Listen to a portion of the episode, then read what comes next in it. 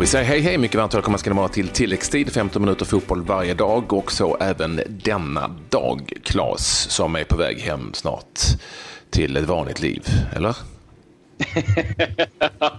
ja, precis. Eh, ett litet eh, härligt vardagsliv igen. Semestern är över och eh, ja, det är bara tillbaka till verkligheten igen. Det är Eh, ett liv utan pool det. Det gäller ju att missa det, Patrik, eller hur? Ja, det, ja det, som man bäddar får man ligga, så, enkelt är det. Och eh, den stora, stora eh, grejen ikväll, det är ju givetvis avgörandet i gruppspelet borta i U21-EM i Polen, där ju Sverige ställs inför ett avgörande. Slovakien eh, möter Sverige det är också så att det spelas en annan match som kommer att ha hyggligt stor betydelse, eller andra matcher ska vi säga, men i Sveriges grupp så möter ju England hemmanationen Polen. Det är med stor glädje vi säger hej och välkommen till tilläggstid till förbundskapten Håkan Eriksson. Hej, hej Håkan. Hejsan Patrik. Ja, vad har du för tankar och funderingar inför eh, det avgörandet i gruppspelet? Ja, de är eh, positiva. Jag jobbar alltid med positiva bilder innan, innan matcher. Ehm, jag tycker att vi har ehm, gjort det bra så här långt, även om vi inte har fått pengarna med oss. Ehm, det finns naturligtvis saker vi kan rätta till, men, men jag känner att vi, vi, vi, har någonting som, som har hållit bra i de här matcherna och det hoppas jag ska göra mot Slovakien också. Men, Slovakien är nog det, ändå det det bästa motståndet totalt sett. Det ska vi nog ha klart för oss. Men, men eh, får vi till våra bästa perioder i samma match så, så ska vi kunna hota dem. De här två matcherna som har spelats, Håkan, vad är du mest nöjd över? Mot England är jag nöjd att vi kunde hålla dem så bra defensivt. De skapar något, någon chans på öppet spel bara. Sen är det på, på fasta situationer egentligen. Uh, sen har vi en, en, bra period tycker jag då, mot, mot England där, där, vi, där vi får visa det spel som vi vill ha med, med en hel del possession och, och så vidare. Uh, och, och, även en del djupledsinriktat spel. Och det är väl ungefär samma sak mot Polen. Jag tycker att vi har en uh, väldigt bra sista halvtimme i första halvlek där vi, där vi dominerar totalt och gör två mål. Och det är synd att det kommer halvtid då för då är vi inne i ett flow och Polen kommer, kommer, kommer inte till i sina positioner eller slår bort boll så fort de får den. Så lyckas vi tyvärr inte behålla det i andra halvlek och det är väl det, är väl det jag är mest missnöjd med, att vi, att vi tappar greppet om den matchen. Men det som har varit har varit som en annan förbundskapten brukar säga, så nu blickar vi framåt. Och, eh, då eh, säger du att Slovakien kanske är det totalt sett tuffaste motståndet. Kan du förklara lite för våra tittare varför? Eller tittare, lyssnare är de. De är... Lyssnare. Ja, precis. De är, alltså, de är jäkligt bra eh, organiserade i, i, eh, i försvarsspelet. De har, de har haft lite brister där tidigare, men de har snäppat upp sig till det här mästerskapet helt klart. De har fått in ett par eh, A-landslagsspelare, bland annat en mittback från Sampdoria som, som har stadgat upp det där. Och sen har de otroligt tydliga linjer i sitt anfallsspel. Vi har liknat dem vid hur Rosenborg spelar. Ni som är lite äldre kommer ihåg när de mm. härjade i Europa med, med tydliga löpningar, passningsvägar, med så kallade innerlöpare som hela tiden attackerar. Och, och så det påminner väldigt, väldigt mycket om dem. De, de hittar utgångspositioner väldigt snabbt och sen så har de tydliga mönster hur de tar sig fram. Det trodde jag nog aldrig att de skulle föra någon jämförelse med Rosenborg, men det var härligt att höra eh, faktiskt. Ja, ja vi, får se, vi får se om ni håller med mig imorgon kväll, men, eh, men förhoppningsvis får ni inte se så mycket av det spelet. Då är jag ju som mest nöjd såklart. Ja. Du, eh, det är givetvis att ni måste vinna, det är ganska klart. Avvägningen där eh, för din del, dels med laguttagningen med offensiv kontra defensiv och givetvis det rent taktiska. Hur, hur tycker du svårt, eh, hur svår är den avvägningen? Ja, när man åker på sånt här mästerskap så är det ju ständiga funderingar och diskussioner om, om precis den här balansen som du är ute efter. Och, eh, vi har ofta en, en slags trestegsraket kan man väl säga i matcherna där vi har en relativt likartad matchplan, i alla fall första delen av matchen eller första timmen Eh, som kan, naturligtvis kan justeras beroende på resultaten men sen, sen får man släppa mer och mer på defensiven och, och, och, och offra mer på, eller satsa mer på offensiven om, om det är sådana matcher som man behöver vinna. Och, och det har vi någon, någon, någon tanke på när vi gör i andra halvlek och så har vi en sista kläm som vi kallar forcering där vi också har en, en uppställning där vi, där vi råchansar, säger så. Då. Så att det, det är nog det som, som blir och sen eh, om, och det är ju naturligtvis vid ett oavgjort resultat eller eh, skulle man hamna i underläge så får man så får man ta fram den kanske i tidigare läge. Men om man tittar på Polen-matchen exempelvis att vi får ett tidigt mål i baken så, så gäller det ju att inte få någon panik och börja spela på ett sätt som vi normalt sett inte gör utan hålla sig till, till det vi tycker att vi är bra på och lita på att det ska till slut vända. Och, och det är jag väldigt nöjd med att vi klarar där i, i första halvlek mot Polen. Det här är ju ett landslag, du vinner på det själv, som spelar kanske en annorlunda typ av fotboll än den vi är vana att se svenska landslag spelar, normalt sett ska jag säga, utan att generalisera. Det vill säga en, en, en form av possession-fotboll. Ni har valt det för att det gick bättre och ni har den typen av spelare. Fine with me. Men är det annorlunda för dig som eh, tränare eller förbundskapten i det här fallet, eh, tycker du inför matchen? Har det varit eh, annorlunda att coacha eftersom det ändå är inte speciellt vanligt att svenska landslag spelar den här typen av fotboll. Nej, jag tycker coachningen är samma sak. Det är bara det att vi trycker på andra parametrar såklart. Och, och, eh, dels är det så spelartyper som du säger, men vi prioriterar lite andra saker i spelet. Men det har vi jobbat med i två och ett halvt år nu och det är därför som är så himla roligt att att vi kunde ta oss hela vägen och få, få mäta oss mot de allra bästa och se hur det räcker till då. Jag hoppas att, det ska, att vi ska visa att det går att spela en sån typ av fotboll även mot de bästa nationerna. Den förändringen Håkan, var det någonting som du själv ville göra eller kände du att eh, spelarmaterial, att du var tvingad till att göra? För du kunde ändå någonstans eh, haft en annan typ av spel och tagit ut en annan typ av spelare. Hur resonerar du kring hela den resan så att säga? Hela mitt liv egentligen som coach så, så har jag försökt att vara så att man, man, man tittar på vad, vad, vad har man för, för något att jobba med. Och i det här fallet så definierar vi vilka spelare som skulle kunna vara tongivande och då får man anpassa spelet till dem. Eh, och det, det är så egentligen jag har jobbat hela tiden och vi vill, vi vill jobba att försöka kopiera guldlagets spel och inte ha de spelartyperna tillgängliga. Det skulle bara vara vansinnigt. Eh, så att eh, det har varit en, eh, det har varit en tydlig, tydlig strategi och en tidig strategi. Nästan direkt efter det förra EMet så, så, så satt vi oss naturligtvis och tittade på vilka vi, vi, vi trodde vi skulle kunna bygga laget runt och vi har vi försökt optimera Eh, optimera för dem så att det ska passa så bra som möjligt. Så det, det, det, är mer en sån del och så finns det väl en liten filosofisk eh, sak i det också att, att vi tror att det här är en, en mera utvecklande fotboll om vi ska med internationellt och, och då vill vi prova vingarna med det här laget.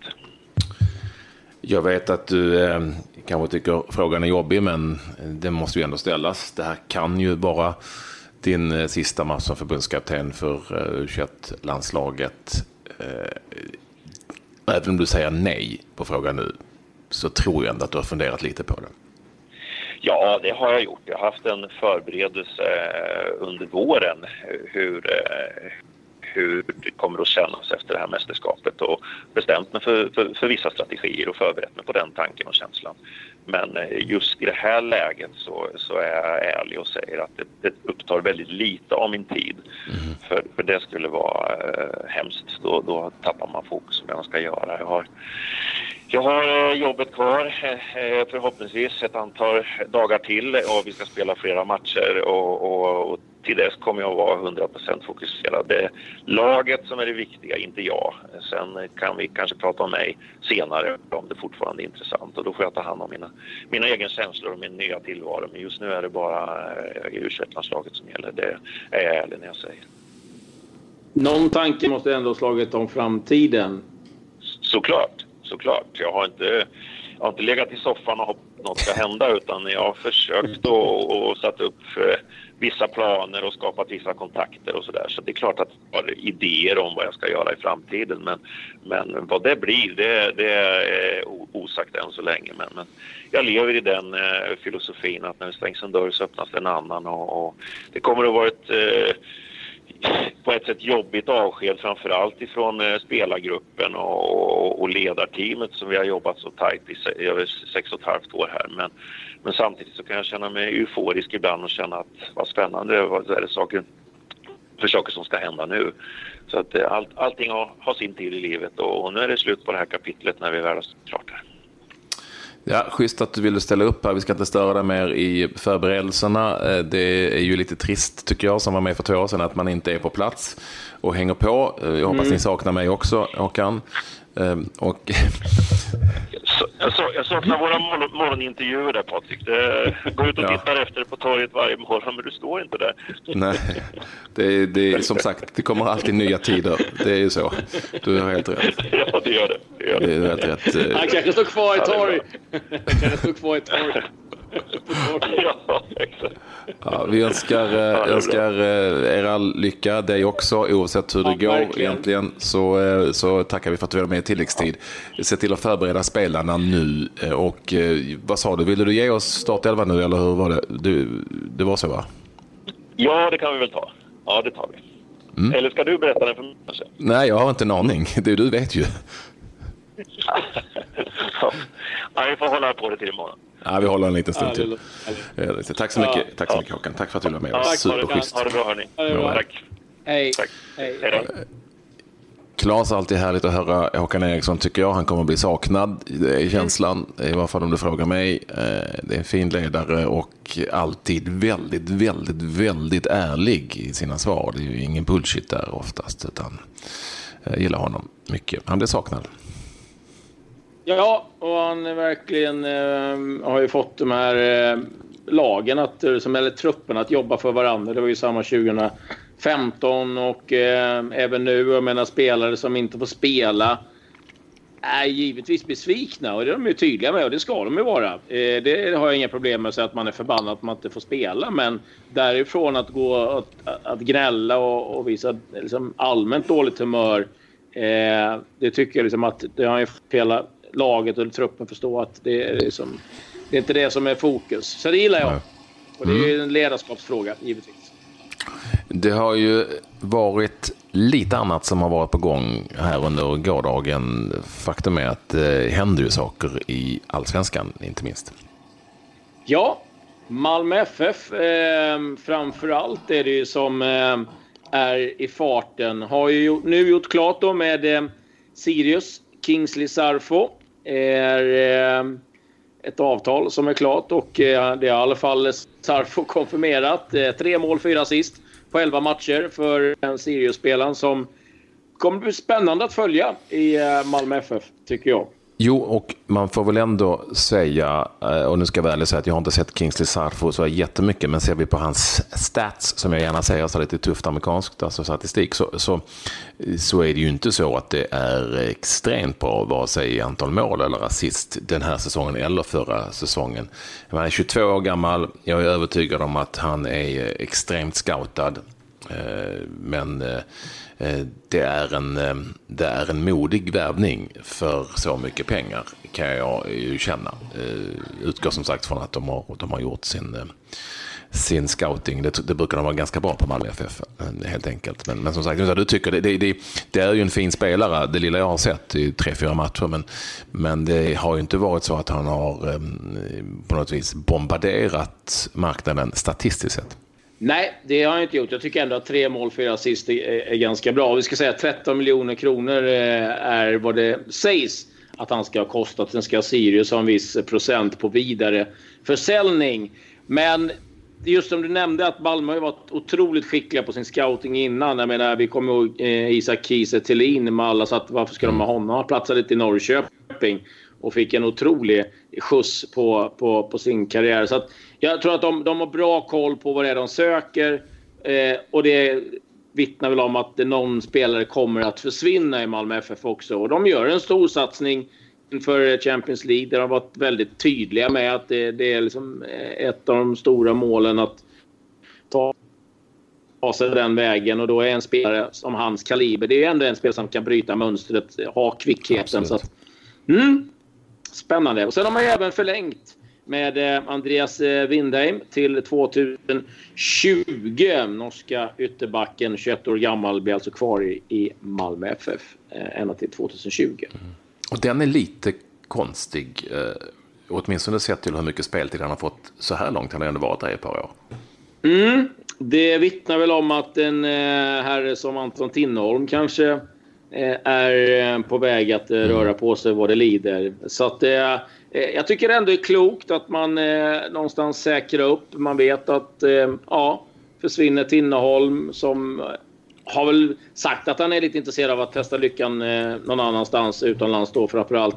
Eh, så har man en spelare som kan laget, som kan spelet och kan eh, fylla på det där eh, ganska komfortabelt. Så att, eh, eh klokt tycker jag. Ja, det eh, är sannolikt så. De måste ju stärka upp här förstås Malmö FF inför det Champions League-kval som man står inför. Det är ju precis så som de har gjort också inför sina tidigare kvalspel i Champions League. Att, att det har kommit in spelare. Det här är ju inte den första. Det kommer säkert eh, vara fler som är aktuella. Det finns ju de som tror att man hittar spelare i Danmark och eh, jag skulle tycka det var lite konstigt om man inte var intresserade eh, av eh, Gustafsson, så Simon Gustafsson i Feyenoord till exempel. Men det händer inte bara saker i Malmö FF utan det händer saker på annat håll också, Klabbe. Ja, i Borås närmare sagt va? Det, ja, det är ju sällan det gör det. Men nu, nu har det hänt någonting det var ju sig ganska väntat. Ja, det, det får vi säga. Samuel Holmén, eh, nu är det officiellt att han är tillbaka. Lämnade Elfsborg 2007. Varit i eh, Istanbul, Konyaspor, Fenerbahce bland annat. Har nu signat på ett kontrakt på fyra och ett halvt år. Och, eh, jag vet inte hur många boråsare som gick in och slantade upp en 500 som klubben ville att man skulle göra för att eh, hjälpa Elfsborg signa upp eh, eh, Samuel Holmén. Men han är tillbaka i varje fall och det är, är kul tycker jag. Det är en eh, framförallt en eh, väldigt bra fotbollsspelare och eh, en eh, ytterligare profil som kommer hem. Och ja, och man vet ju med alla Elfsborgare som blir utlandsproffs, man vet en sak. De kommer tillbaka. Det är ju, det är ju, alla har gått den vägen. Internationellt sett, Klabbe, snabbt bara, har vi någonting att berätta? Ja, eh, Etrit Berisha, eh, målvakten som eh, lämnade Kalmar FF 2013 för spel i Lazio, är nu helt klar för Atalanta. Var på lån där förra säsongen och gjorde en riktigt bra eh, insats där, liksom hela Atalanta. Så att han är nu eh, helt eh, klar för spel i Atalanta, alltså köpt. Och Juventus har konfirmerat att Dani Alves kommer att eh, lämna klubben. Så att Ja, då blir det väl eh, Manchester City för Diego Maradonas eh, idol Dani Alves. Det var vad vi hade att eh, bjuda på tror jag. Ja, nu åker du hem till Sverige och vi får all anledning att höras igen imorgon i tilläggstid. 15 minuter fotboll varje dag.